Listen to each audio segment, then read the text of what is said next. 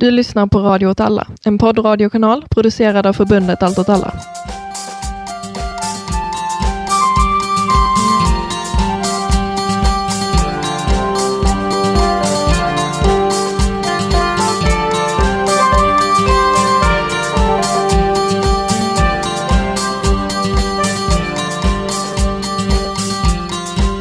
Okej, eh, välkomna till det fjärde avsnittet av eh, Jord åt folket-podden. Välkomna. Välkomna. Och idag ska vi prata om EU-Mercosur-avtalet. Eh, och jag heter Max, jag sitter här med Tove Hej. och Emma. Hallå. Alltså samma människor som det alltid är. Eh, Eh, det är ju dock inte bara vi som alltid är med som är med idag, utan vi ska ha gäster, två stycken gäster på, som är med på länk. Eh, och en av dem heter Eva Jonsson som är med i eh, småbrukarorganisationen Nordbruk. Hon sitter i styrelsen där. Och så ska vi också ha med eh, Rebecca Borges från Jordens vänner i Göteborg. Och de, de här personerna kan mycket om Mercosur. De har skrivit en text tillsammans som är en, en kommentar på Mercosur helt enkelt. Vi ska prata om den texten. Ja, och Mercosur är en tullunion där man vanligtvis räknar in Venezuela till exempel. Men i det här sammanhanget eh, med det här frihandelsavtalet så är det Argentina, Brasilien, Paraguay och Uruguay som berörs. Och det här är ett frihandelsavtal som har förhandlats i 20 år typ. Och det var under 2019 som man nådde fram till ett faktiskt handelsavtal.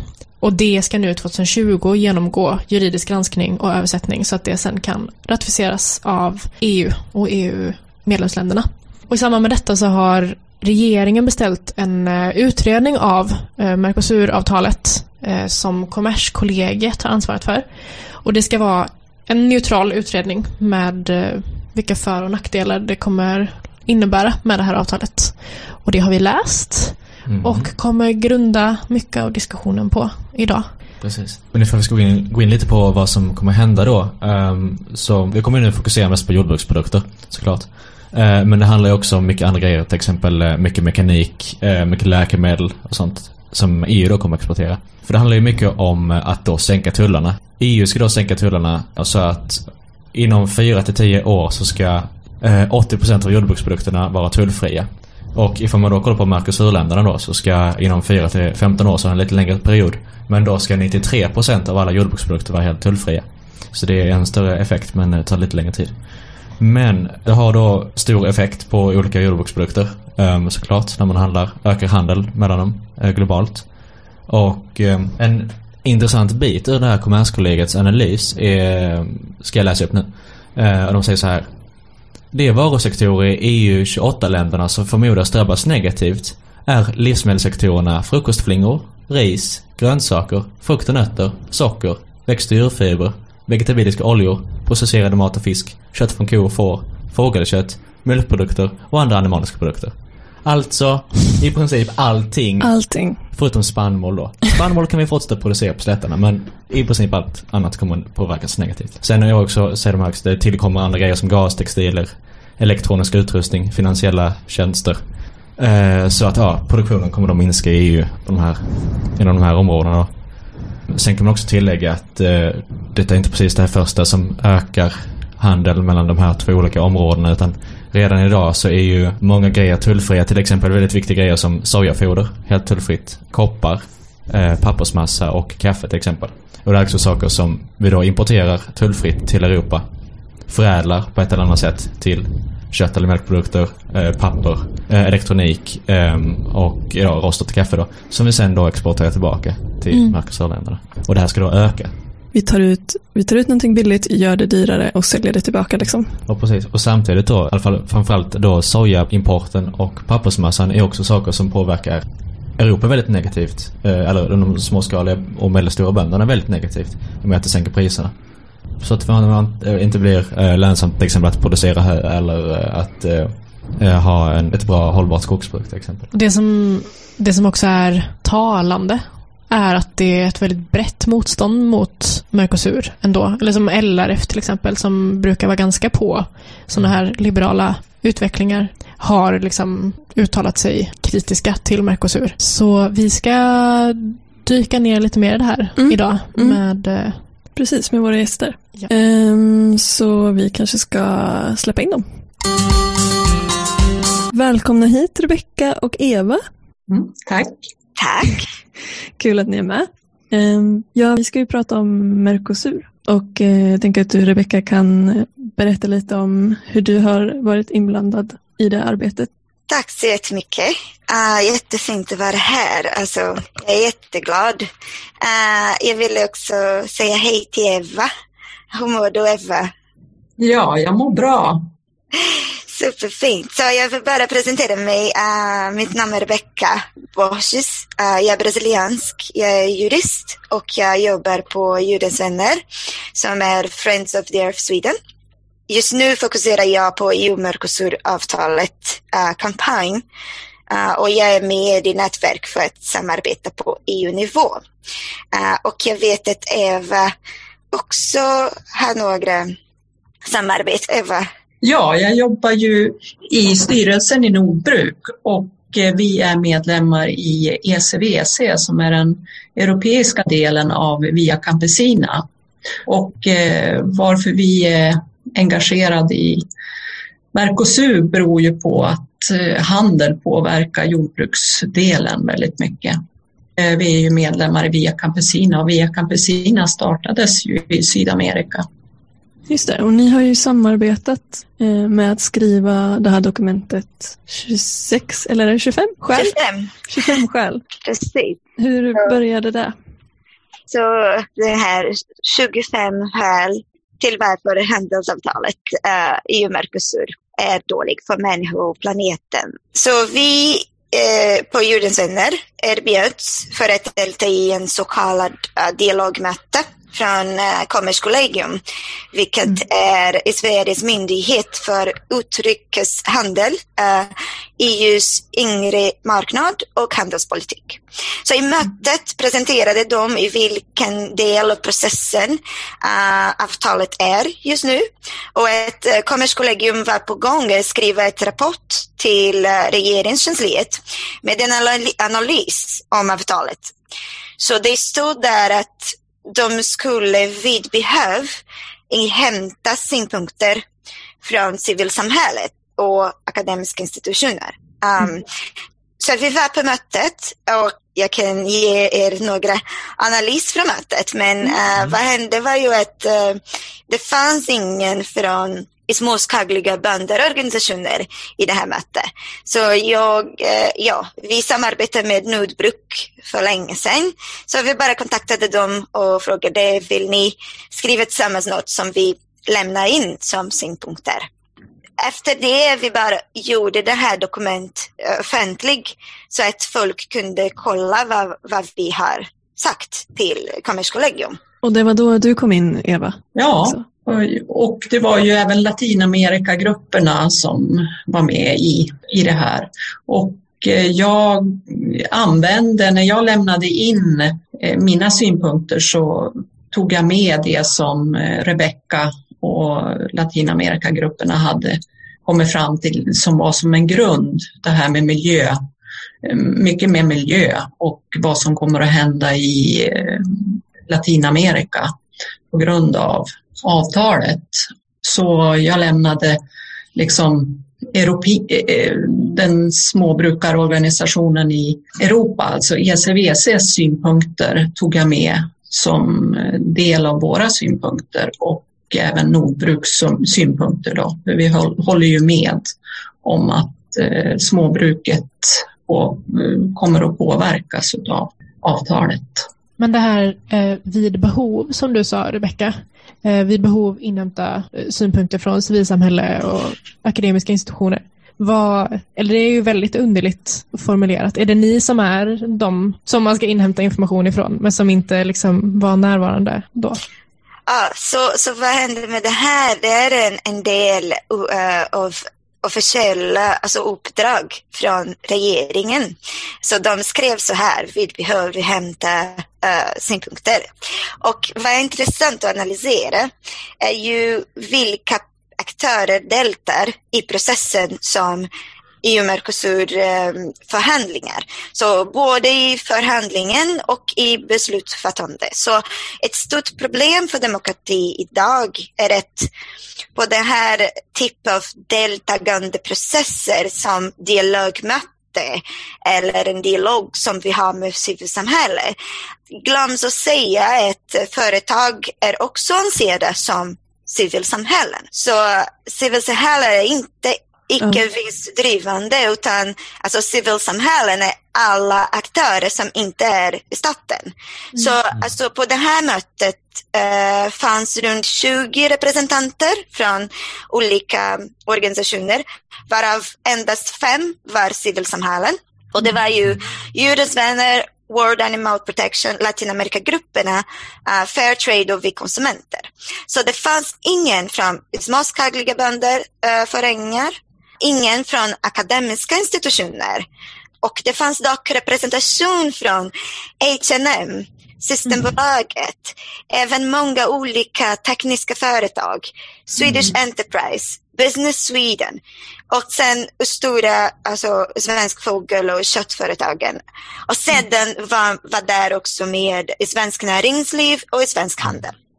Så, så det, det här reflekterar vad en, alltså det finns en politiker eller minister som sa på, på Twitter en dag, typ några månader sedan, att handel måste diskuteras genom de som gör handel och det är företag, ingen annan. Ja. Då är jordbrukaren bortglömd. Precis. Kan man säga då att de, de bjöd in den delen av civilsamhället som de tänkte att de skulle få mest medhåll ifrån då, kanske? Ja, de säger att de försökte ha en typ mångfald av mm. representation där. Men det visar sig att den här processen har ingen koll på svenska civilsamhällen. Vad finns där för organisationer?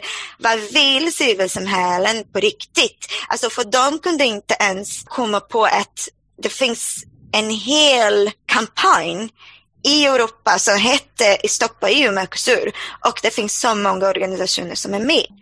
Så ja, jag tror att det här alltså är helt enkelspårigt och naivt sätt att titta på hur samhällen och, och världen fungerar. Alltså, ett säger att uh, handel måste diskutera genom handelaktörer. För att alltså det första, denna eh, synvinkel känner inte att folk påverkas av företag, alltså generellt. Ett företag kan betyda alltså förflyttning, miljöförstöring, användning av vatten, användning av marken, marktryck, alltså så mycket som mm. påverkas mm. av ett företag.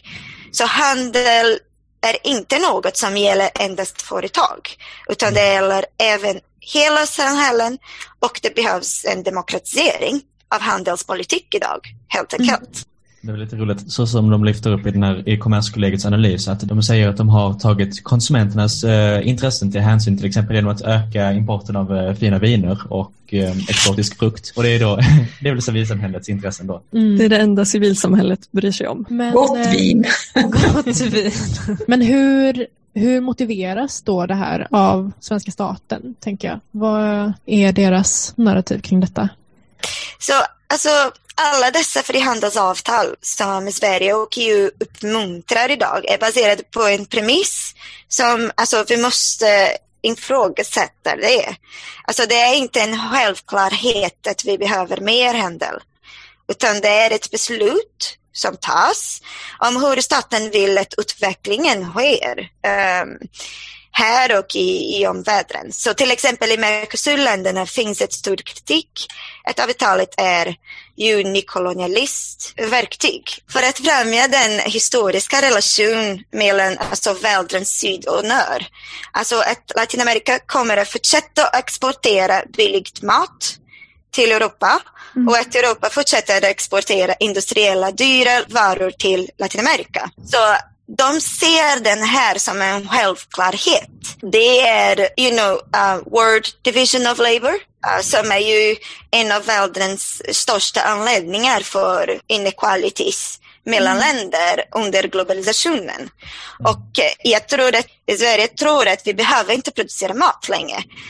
Ja, det här handelsavtalet ska ju främja import av eh, jordbruksprodukter och kött. Och det innebär ju att, att våra bönder har väldigt svårt att konkurrera mot det billiga tillverkningssätt som man har i agroindustrin i Latinamerika. Man har ju väldigt stora enheter och det blir billiga varor och det, den möjligheten finns inte att konkurrera på den, konkurrera likvärdigt. Mm. Eh, det som eh, till exempel vår ordförande i Europas eh, ECVC-organisation säger att eh, landsbygden kommer att avfolkas om man ökar trycket med ännu mer konkurrens inom jordbruket. Och som ni också skrev i den 25 skäl texten, att det gör ju också att landsbygden blir mycket sårbarare för exploatering mm. när ingen bor där och verkar där. Mm. Ja. Både socialt och miljömässigt liksom, får det konsekvenser även här. Ja, biologisk mångfald får ju negativ effekt. Eh, samerna har ju, säljer ju ett unikt kött men det blir ju ändå ett konkurrenstryck på deras produkter mm. så att folk köper an, annat kött istället och då blir priserna på deras kött lägre. På samma sätt som det blir lägre pris på svenskt kött som kanske är naturbeteskött som är väldigt miljövänligt egentligen men mm. det kommer liksom inte att gynna alls eh, landsbygden. Utan jag förstod det som att eh, staten, eller Socialdemokraterna i alla fall, har, mm. eller formulerar sig som att eh, men konsumenterna kommer ändå vilja köpa svenskt och eh, ja, priset har gått upp lite på svenskt kött senaste åren. Men mm. konsumenterna är så medvetna så det kommer lösa sig ändå, ska mm. ni se. Det var Jordbruksverket till och med som sa det. Det var Jordbruksverket kanske. Ja. Men att det är ju verkligen en förenkling av allt. Eh, för det första har vi inte så mycket makt som konsumenter och för det andra mm. så det finns ju massa sektorer där man inte har den insynen, typ ja, men, bespisning, ja, men skolor och så. Så det är verkligen en förenkling. Ja. Restauranger liksom. Ja, precis. Det, det, det är ju någonting som, eh, som jag tror till och med LRF, för LRF har ju också kommenterat att även om konsumenterna skulle ha liksom åsikt om att det ska vara svensk mat så är det ju liksom det inte någonting som man kan ha överallt. Nej, att LRF är emot avtalet. Liksom. Ja, precis. Mm. Det, är, det är väl vad jag förstått det som är det relativt brett motstånd mot eh, avtalet även inom jordbrukssektorn i hela EU. Men det är då helt annorlunda då i andra sektorer i EU. Som det är väldigt mycket för i vad det är läkemedelsindustrin och så och mekaniken. Och även kan jag tänka mig eh, skogsindustrin skulle, man, skulle vara intressant att prata om också. Men det känns ju som att allt det du nämner nu eh, hör ihop med det du sa innan Rebecka, att det handlar om att eh, vilja exportera de produkter som eh, vi redan har förädlat här och ta råvarorna någon annanstans ifrån. Ja, det var ju en, alltså det är ju Nordbruk som säger det och några andra organisationer också. Alltså att att i Sverige, så du, du får gärna säga det bättre än mig Eva, men uh, jag, jag känner det superstarkt att i, Sverige, i Sverige alltså gave up typ lantbruk. Alltså mm. att, att hela staten tänker att det är okej okay att inte producera mat utan köpa mat. Så Ja, idag så har vi ju inte en landsbygdspolitik. Den fanns ju förut. Eh, man, man säger ju att det finns ett landsbygdsprogram. Men eh, det är väldigt eh, svagt idag. Man såg ju till förut att landsbygden fungerade. Idag styrs ju mer, politiken styrs från EU och tar inte hänsyn till vilka konsekvenser det får att lägga ner så väldigt mycket jordbruk. Det mm. blir svårare för de som producerar att fortsätta producera för all infrastruktur försvinner. Det är liksom du behöver ha reparationsmöjligheter, du behöver reservdelar, du behöver människor som eh, stöttar runt om och du behöver, eh, ja det är, det är jättemycket bitar i, i landsbygden som försvinner när eh, jordbruk försvinner. Ja, det har ni också skrivit om i, i er text, att det är mycket som kanske inte är direkt involverat i, i jordbruket runt omkring som, som försvinner och tappas när jordbruk läggs ner. Men sen har vi också en annan bit som jag eh, vill framhålla och det är det här med investeringar. I ett sånt här handelsavtal så det, det, det har inte diskuterats i i de dokumenten som finns. Men eh, handelsavtal innehåller ofta en möjlighet för eh, utländska företag att investera i Sverige och på motsatt sätt att eh, svenska och europeiska företag ska kunna investera i Mercosurländerna. Då. Vi har ju exemplet med Stora Enso som har jättestor eukalyptusodlingar i Brasilien redan. Det har de ju mm. eh, haft under väldigt lång tid. Och eh, det, den, eh, de kan göra väldigt stora vinster där, men de har ju också gjort stora vinster i Sverige innan för att eh, kunna expandera så att säga. Och eh, produkterna från landsbygden blir väldigt eh, billiga på det här sättet.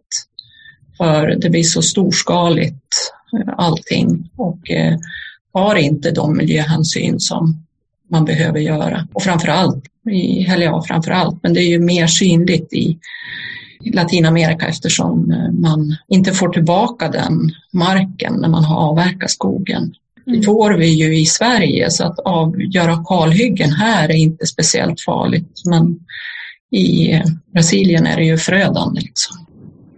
Tycker det är intressant att eh, det du säger med att till exempel eh, Stora Enso som redan har stora investeringar i Brasilien. Eh, för vi har ju, det är ju redan så mycket som har hänt som det, har, det är ju redan eh, tullfritt på pappersmassa in, import till EU från Mercosur.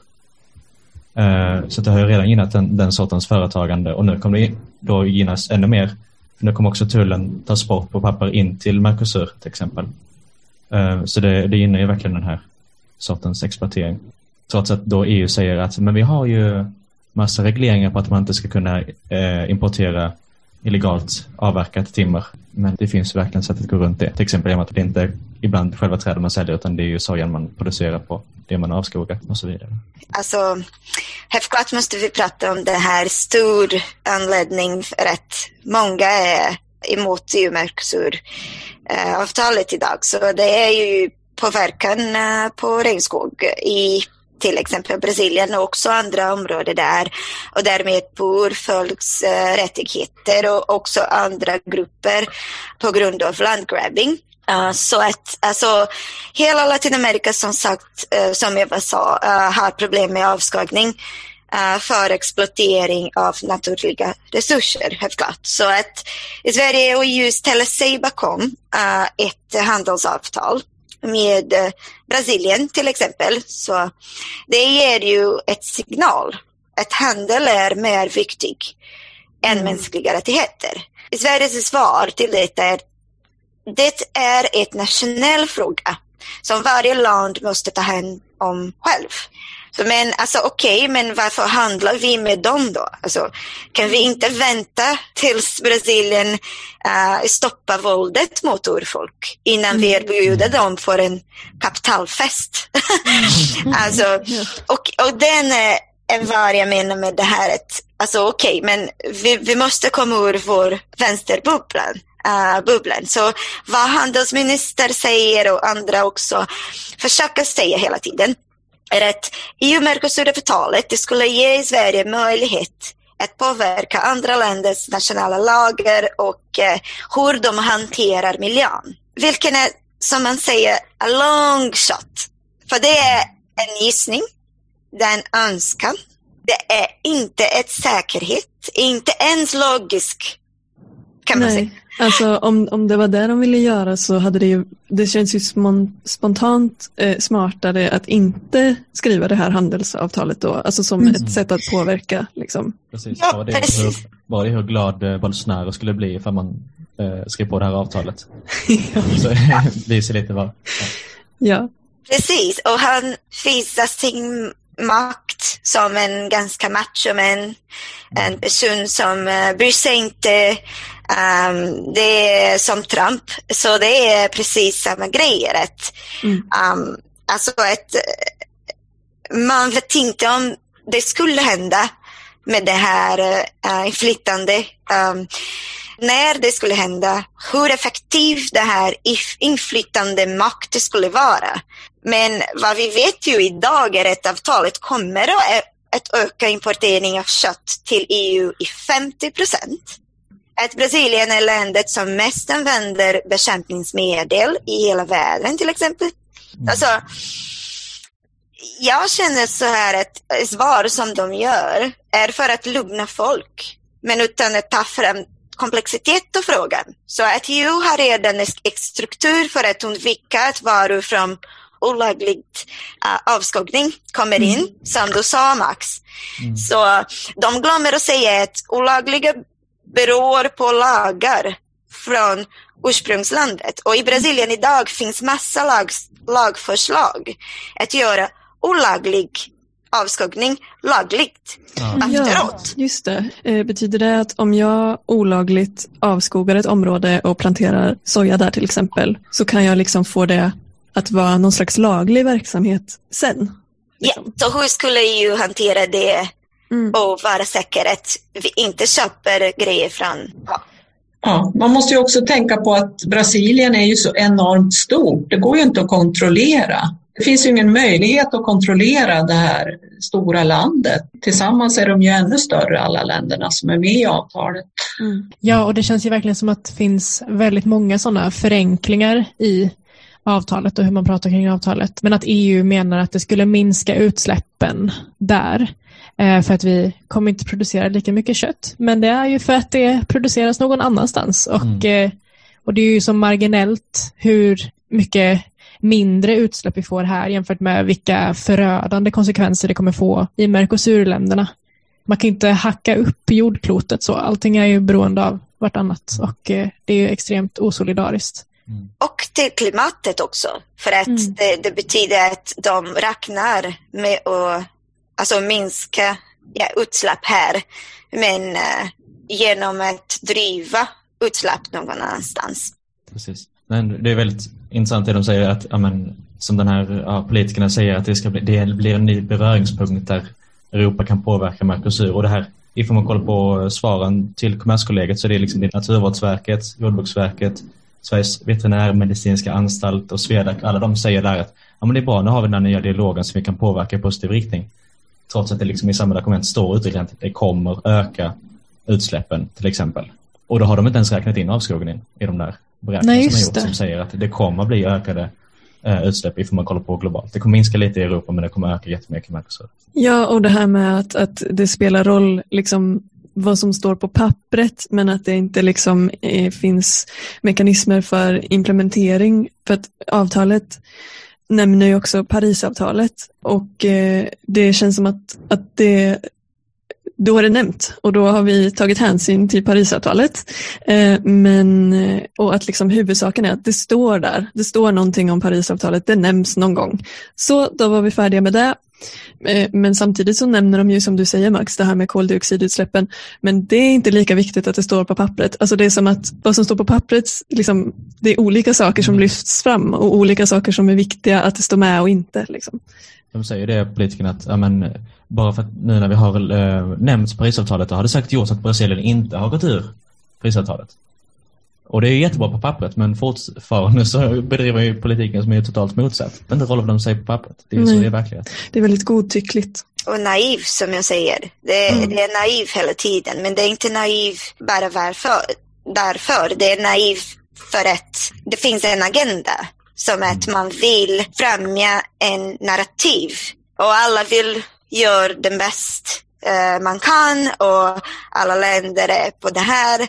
Uh, men det är inte erkänna alltså maktrelationer, det erkänner inte intressen och framförallt det känner inte vem sa det vad. Alltså vem hade röst? Mm. Uh, vem lyssnade de på när de tänker så här som en lösningen. Så att när, när de säger att frihandel är en lösning, det visas vem de lyssnar på. För att de lyssnar inte på socialrörelser och civilsamhälle småskagliga bander, bönder, urfolk, miljöorganisationer, alltså så många, många inklusive eh, fack. Det finns många fackliga organisationer som är emot det, framförallt till Mercosur också på grund av på grund av det här med industrialisering och, och inte. Så det, ja, för oss det är ju det här att eh, man vill eh, glömma bort alla konsekvenserna och inte öppna möjlighet för folk att uttrycka sig och ta ett beslut. För att vi har inga inflytande makt på den här processen. Det är, alltså, vi är inte på bordet med ideologer, förhandlingar, ingenting. Uh, så som jag sa, alltså ingen framsmaskagliga bönder var där. Och vad, vad, betyder det? Att det finns inga kvar eller vad, vad, mm. vad är planen? Eh, jag vet inte om man skulle gå in lite mer på konsekvenser till exempel i Europa och Sverige liksom allmänt för en beräkning att produktionen ska minska. De här beräkningarna på koldioxidutsläpp till exempel eh, beräknar ju att det ska vara en minskning av jordbruk samtidigt som då till exempel Jordbruksverket säger att det är en sån liten påverkan på svensk produktion. Det är liksom, men det säger emot varandra väldigt mycket. Ehm, de beräknar att eh, då ska minska med 0,01 till 0,02 procent i EU på grund av att de minskar jordbruket. Ehm, men samtidigt ska det då öka mycket, mycket mer i Mercosurländerna då. Men också det att, eh, att eh, andelen skog ökar i EU också för det blir mer och mer skogplanterat. Liksom. Så det är liksom, allt det här bidrar till att det blir en finare bild av hur EUs utsläpp och klimatpåverkan är. Eh, ja, inom EUs gränser alltså. Då tittar de inte på vad som kommer hända i Brasilien då till exempel. Nej, precis. Mm. Och Naturvårdsverket och Jordbruksverket som säger att ja, det kommer inte vara negativa effekter av det här. Det kommer mm. vara, liksom. Hur kan en statlig myndighet säga så? Mm. Nej. Och Det är också så underligt att kunna formulera sig så kring jordbruk. Att liksom Kolla vad bra, vi blev av med lite jordbruk. Men, men, vi behöver ju fortfarande mat. Och att inte följa upp det då. Eller det känns som att vad jag vet om svenska staten och deras diskurs kring de här frågorna är ju verkligen att man pratar mycket om exporten men benämner inte importen det innebär på samma sätt. Liksom. Att det blir väldigt ensidigt. För det är ju så det är. Exporterar vi så importerar vi. Allt hänger ihop. Verkligen. Men det handlar ju, ja, det är, det är verkligen att, eh, uppenbart att de verkligen inte vill ha eller de bryr sig inte om någon liksom försörjning av, av mat för, för människor utan det är inte det folk ska lägga pengar för. Det ska vara jättebillig mat och så ska folk då köpa de här fina exportvinerna istället för de här exotiska frukten. Mm. Och så, så kan de då köpa massa, eh, vad det nu ska också ska exporteras massa mekanik och sånt och andra produkter. Och, och det H&M som också var med i, i förhandlingarna att de ska gynnas till exempel.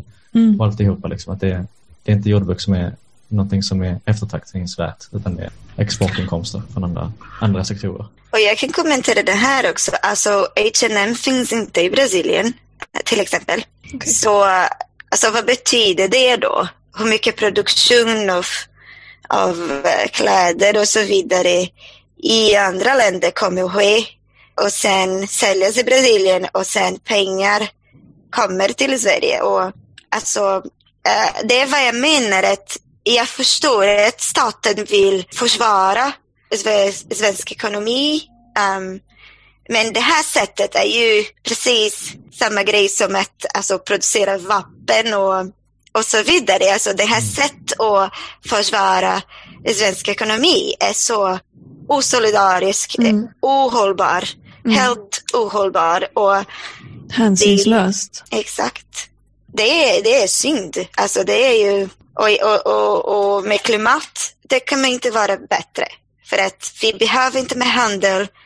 Vi har ett problem just nu på grund av globalisering, på grund av mer handel. Uh, det är därför vi har klimatförändringar nu, klimatkrisis. Mm. Och vi har sociala, en social kris, både i Sverige, bland eh, landsbygdsbefolkning som inte har möjligheter att försörja sig och vi har även landsbygdsbefolkningen i Latinamerika som inte har möjligheter att försörja sig och som inte får sälja sina produkter och som, eh, ja, det, det är negativt i alla ändar.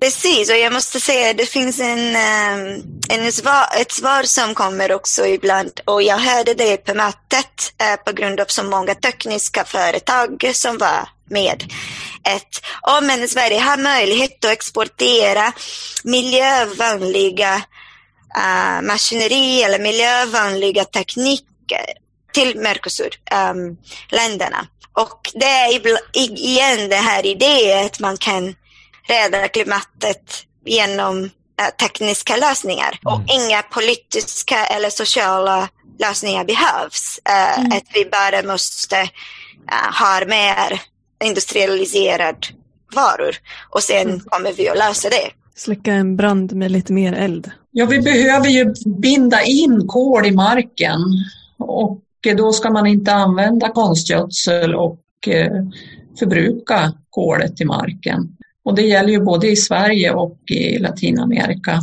Det är ju jättestora utsläpp. Inte bara avskogning som ger koldioxidutsläpp utan även det här sättet att bruka jorden. Ja, det är inte bara det att det kommer bli värre nu utan det är ju det också att det redan har varit väldigt dåligt. Till exempel har ehm, importen av sojafoder redan varit helt tullfri från Mercosur. Och det har ju varit så länge också. Redan sedan vad var det, 60-talet har det importerats ehm, eh, tullfritt sojafoder från till exempel USA in till EU och det har ju påverkat under jättelång tid då hur eh, matproduktionen då har utformats och hur det då har varit konkurrens mellan den här, den här industriella matproduktionen och det småskaliga även inom EU. Så det är inte bara mellan Mercosur och EU utan det är också inom EU den här konkurrensen som byggs på av import av eh, sojafoder till exempel. Och detta kommer då öka även om tydligen är redan fri på soja men det kommer ju eh, förenklas ytterligare. Och vi ska väl vara minskade kontroller också på olika sätt och eh, så vidare i det här avtalet, vad jag förstår det som. Vår mark här, vår jordbruksmark används mindre på grund av import av soja. Mm. Och det är ju så att då när vi importerar soja så använder vi ju deras mark. Och Mm. varför ska vi använda deras mark när vi kan använda vår egen mark? Och producera hö är ju väldigt eh, resurssnålt och bra och kossorna bo, mår jättebra av att äta gräs som de är vana att äta. Mm. Äter de soja så får de diarréer. Ja, det blir ju också en bättre cirkulation av näringsämnena. Liksom. Annars blir det ju att vi importerar. Att, att vi tar och eh, att vi utarmar eh, jordarna liksom, där sojan produceras. Precis, inte bara det att det används jättemycket konstgödsel på, i både Mercosur och i EU men jag menar sojimporten också så hamnar det ju jättemycket näring då um, i de här väldigt intensiva jordbruksbygderna där det blir intensiv boskapsskötsel som då får jättemycket gödsel som de knappt kan göra av med så det blir sån En obalans över hela jordklotet liksom. Men just det, alltså har ni pratat eh, i den här podden om alltså, skillnaden mellan industriella jordbruk och det andra på grund, alltså, på grund av alltså, modellen? För jag ville säga bara att den här avtal, det, det gynnar bara en modell av matproduktion, vilken är EU industriella stora jordbruk och Mm. intensiva, alltså bekämpningsmedelintensiva, markintensiva, vattenintensiva, utsläppintensiva produktion. Det, Den här avtal gynnar inte alls annan typ av produktion av mat. Som är Mm. hållbar, som är Ja. småskaliga, som är lokala, som är ingenting. Som vi Mm. alla vet att lösningen ligger i det.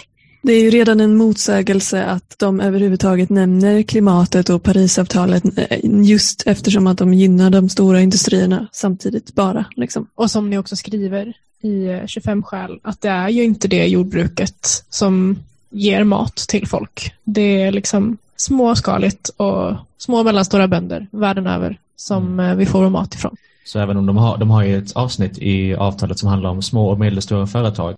Men det är ju inte de små och medelstora företagen som är inriktat export och det är bara exporten som är gynnad. Så det här kan ju inte gynna det här på, det, det är omöjligt att man ska kunna gynna den här sortens jordbruk i ett, för, i ett frihandelsavtal. Ja, och gång på gång också så, alltså inte bara det att små och medelstora livsmedelsproducenter är de som faktiskt försörjer oss till en väldigt hög procent, 75 procent tror jag. Och det, det bevisas ju gång på gång att det är de här jordbruks, eh, det är det här, de här små, mindre och medelstora jordbruken som också är bäst för klimatet. Liksom. Så att de både försörjer oss och tar hand om miljön Mm. på ett sätt som de här stora industrierna inte gör. Liksom. Precis. Och det är ju det här med, alltså i Brasilien, alltså jag är brasiliansk, right? Så att, alltså i Brasilien, det är ju en situation i vilken det finns typ en procent av eh, Brasiliens eh, folk som äger typ 49 procent av mark i Brasilien. Och 80 procent av mat vi äter i Brasilien produceras av folk som ibland inte ens har mark. Som till exempel eh, rörelser av eh, uh, landless workers um, i Brasilien. Så att de, alltså, de producerar bra och god mat och småskaliga producenter. De matar oss mm. uh, med min, min, mycket mindre mark. Mm. Så. Ja, och det här med hur mycket mark som används i olika jordbruk, det är ju någonting som eh, Kommerskollegiet gör anspråk på för att liksom motivera att avtalet ska genomföras. Att vi, eh, visst, avtalet kommer göra att vi behöver producera mer mat, men det kan också ske genom att vi intensifierar odlingen eh, och använder mindre mark. Liksom. För det känns ändå som en etablerad fråga. Liksom markfrågan, oavsett var man kommer ifrån för politiskt håll så måste man ta hänsyn till det, att vi har problem med mark. Liksom. Men så kommer det ju inte bli med det industriella jordbruket. Vad är det för drivkrafter som kommer göra att man inte använder mer mark om man kan göra det? Det kommer ju alltid röra sig åt det hållet. Precis, det, det här igen med det här att en önska, en gissning. Det kan hända, kanske. Eh, mm. Men det händer inte idag. Mm. Det är inte processer som händer i Brasilien och i andra länder i Latinamerika idag. Vi mm. måste ta alltså, verkligheten för vad det är. Mm. Och det är en gissning. Uh, inte säker alls. Vad är säkert att vi har många folk som dör i Brasilien för att de försöker försvara sina mark. Det är vad, vad händer idag. Mm. Vi måste arbeta med världen som det är just nu. Ja, alltså det här med liksom eh, den godtyckligheten syns ju också i att avtalet nämner att parterna själva får ansvara för sina egna miljöstandarder och att det hänger på deras välvilja. Liksom. Och Det är också väldigt naivt på det sättet. Alltså, på något sätt så är det ju som att de som att det eh, påståendet lyder som så att företag någonsin skulle välja att avstå från ekonomisk vinst i förmån av något annat, av någon annan värdering, typ mänskliga rättigheter eller liksom miljön. Och så ser det ju liksom inte ut. Det händer ju inte. Alltså den enda gången som företag prioriterar liksom eh, mänskliga rättigheter eller miljön är ju när det finns någon slags marknadskanal för det och de kan få fördelar av, av att, att eh, gå ut med det eh, liksom, och, eh, och sälja med det. Mm. Eh, så det är också väldigt naivt, en naiv inställning liksom. Mm. Eh, alltså en stor kritik som man har inom EU är ju, och alltså inom småbrukarrörelsen i EU är ju att idag så blir ersättningen för det man producerar väldigt mycket mindre hela, hela tiden. Och mm det finns ingen rättvisa i fördelningen av eh, de pengar som eh, de stora företagen kanske har mer chans att, få in pengar till sin produktion av jordbruksprodukter men de mindre producenterna har väldigt liten chans att få lönsamhet i sin verksamhet. Det är ett problem inom, inom jordbruket i Europa. Eh, alltså det här avtalet innebär ju också att man utnyttjar eh, arbetskraft som är undermåligt avlönade i Latinamerika. Det blir liksom en orättvisa både eh, för de svenska bönderna och för de latinamerikanska bönderna. Och en eh, vinstförskjutning mellan. Det är ju en pengaförflyttning från de små till de stora företagen. Precis, det är en process av, fin, finns det ordet, koncentration? Ja, koncentration av makt och pengar. Precis, och kapital och allt. Och vad innebär det då? Mer orättvist och mer inflytande makt över demokrati här och där.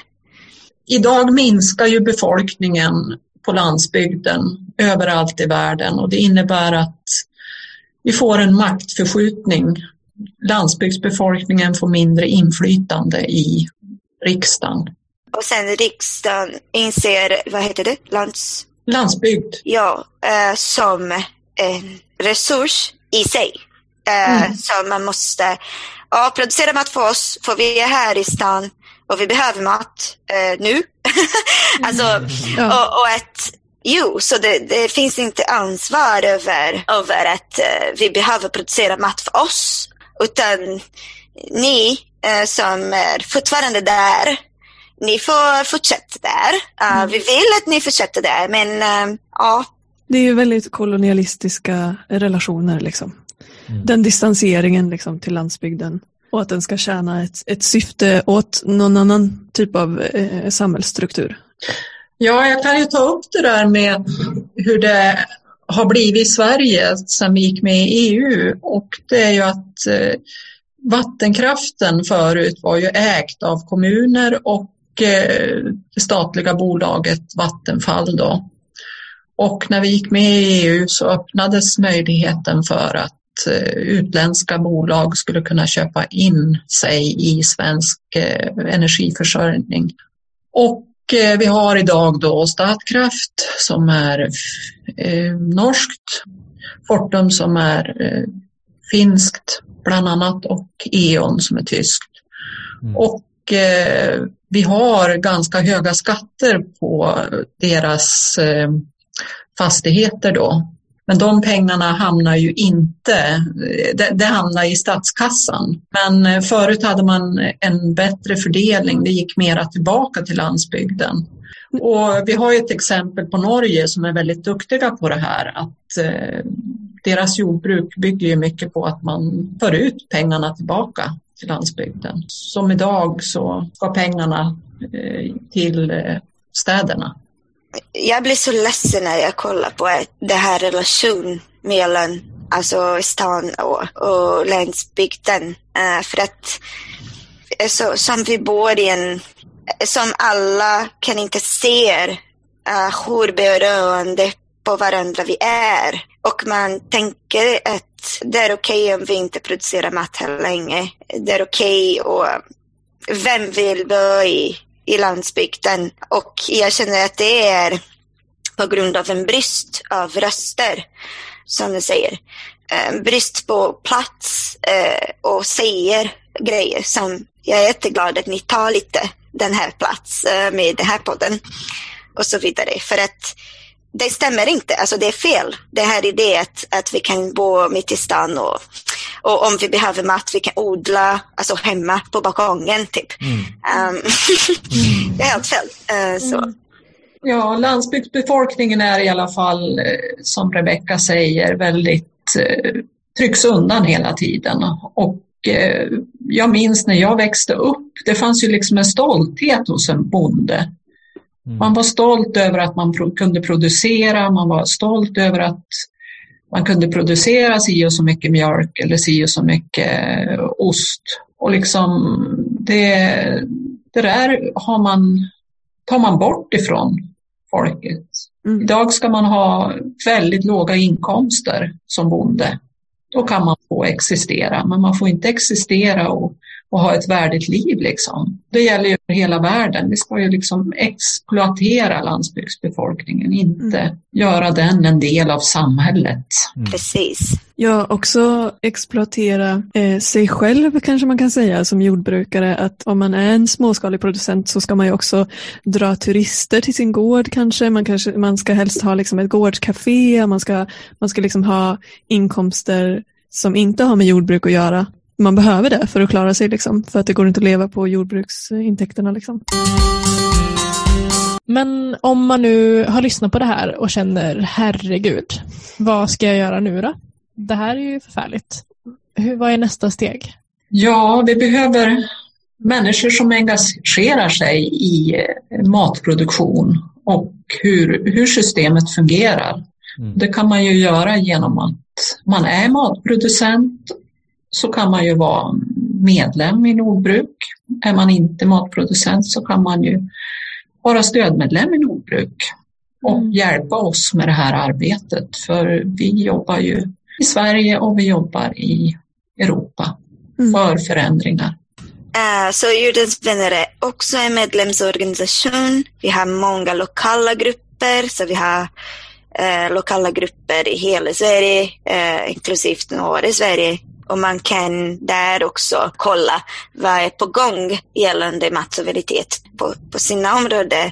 Eller kan man engagera sig i nationella kampanj som till exempel det här som vi håller på nu som är Stopp EU Mercosur. Man följer oss, man håller sig uppdaterad också om processen. Jag kan uppdatera ett uh, just nu. Vi har på, på, uh, på EU-nivå då, de kunde inte avsluta processen med avtalet, uh, den sista delen, för att EU-parlamentet sa att det var en dålig avtal. EU-parlamentet var emot det. Mm. Så att EU-kommissionen kunde inte fortsätta. De kommer börja igen då i början av januari eh, 2021. Så att vi kommer fortsätta kampen. Med oss man håller sig uppdaterad och bara typ okej, okay, men det, det, kommer manifestation, det kommer grejer jag kan göra. Jag kan skicka ett mejl, jag kan, jag kan säga att jag vill, inte vill det. Och det är också eh, intressant att, att hålla koll på politiker. Så till exempel, det finns en interpellationsdebatt Eh, mellan Anna Hallberg och eh, Lorena Delgado eh, som man kan titta på. Eh, men eh, man måste veta att så många länder i EU har redan sagt att avtalet är dåligt. Vi borde inte underteckna det. Men Sverige är en av de nio länder i EU som ber EU-kommissionen att underteckna avtalet så mm. fort som möjligt. Alltså Sverige är en drivande aktör i det här. Mm. Så att man är svensk medborgare kan man ju engagera sig, det gör skillnad, vi kan stoppa det här. Det har inte hänt än. Vi kan undvika det. Mm. Allt vi pratade om här idag. Mm. Det finns tid kvar.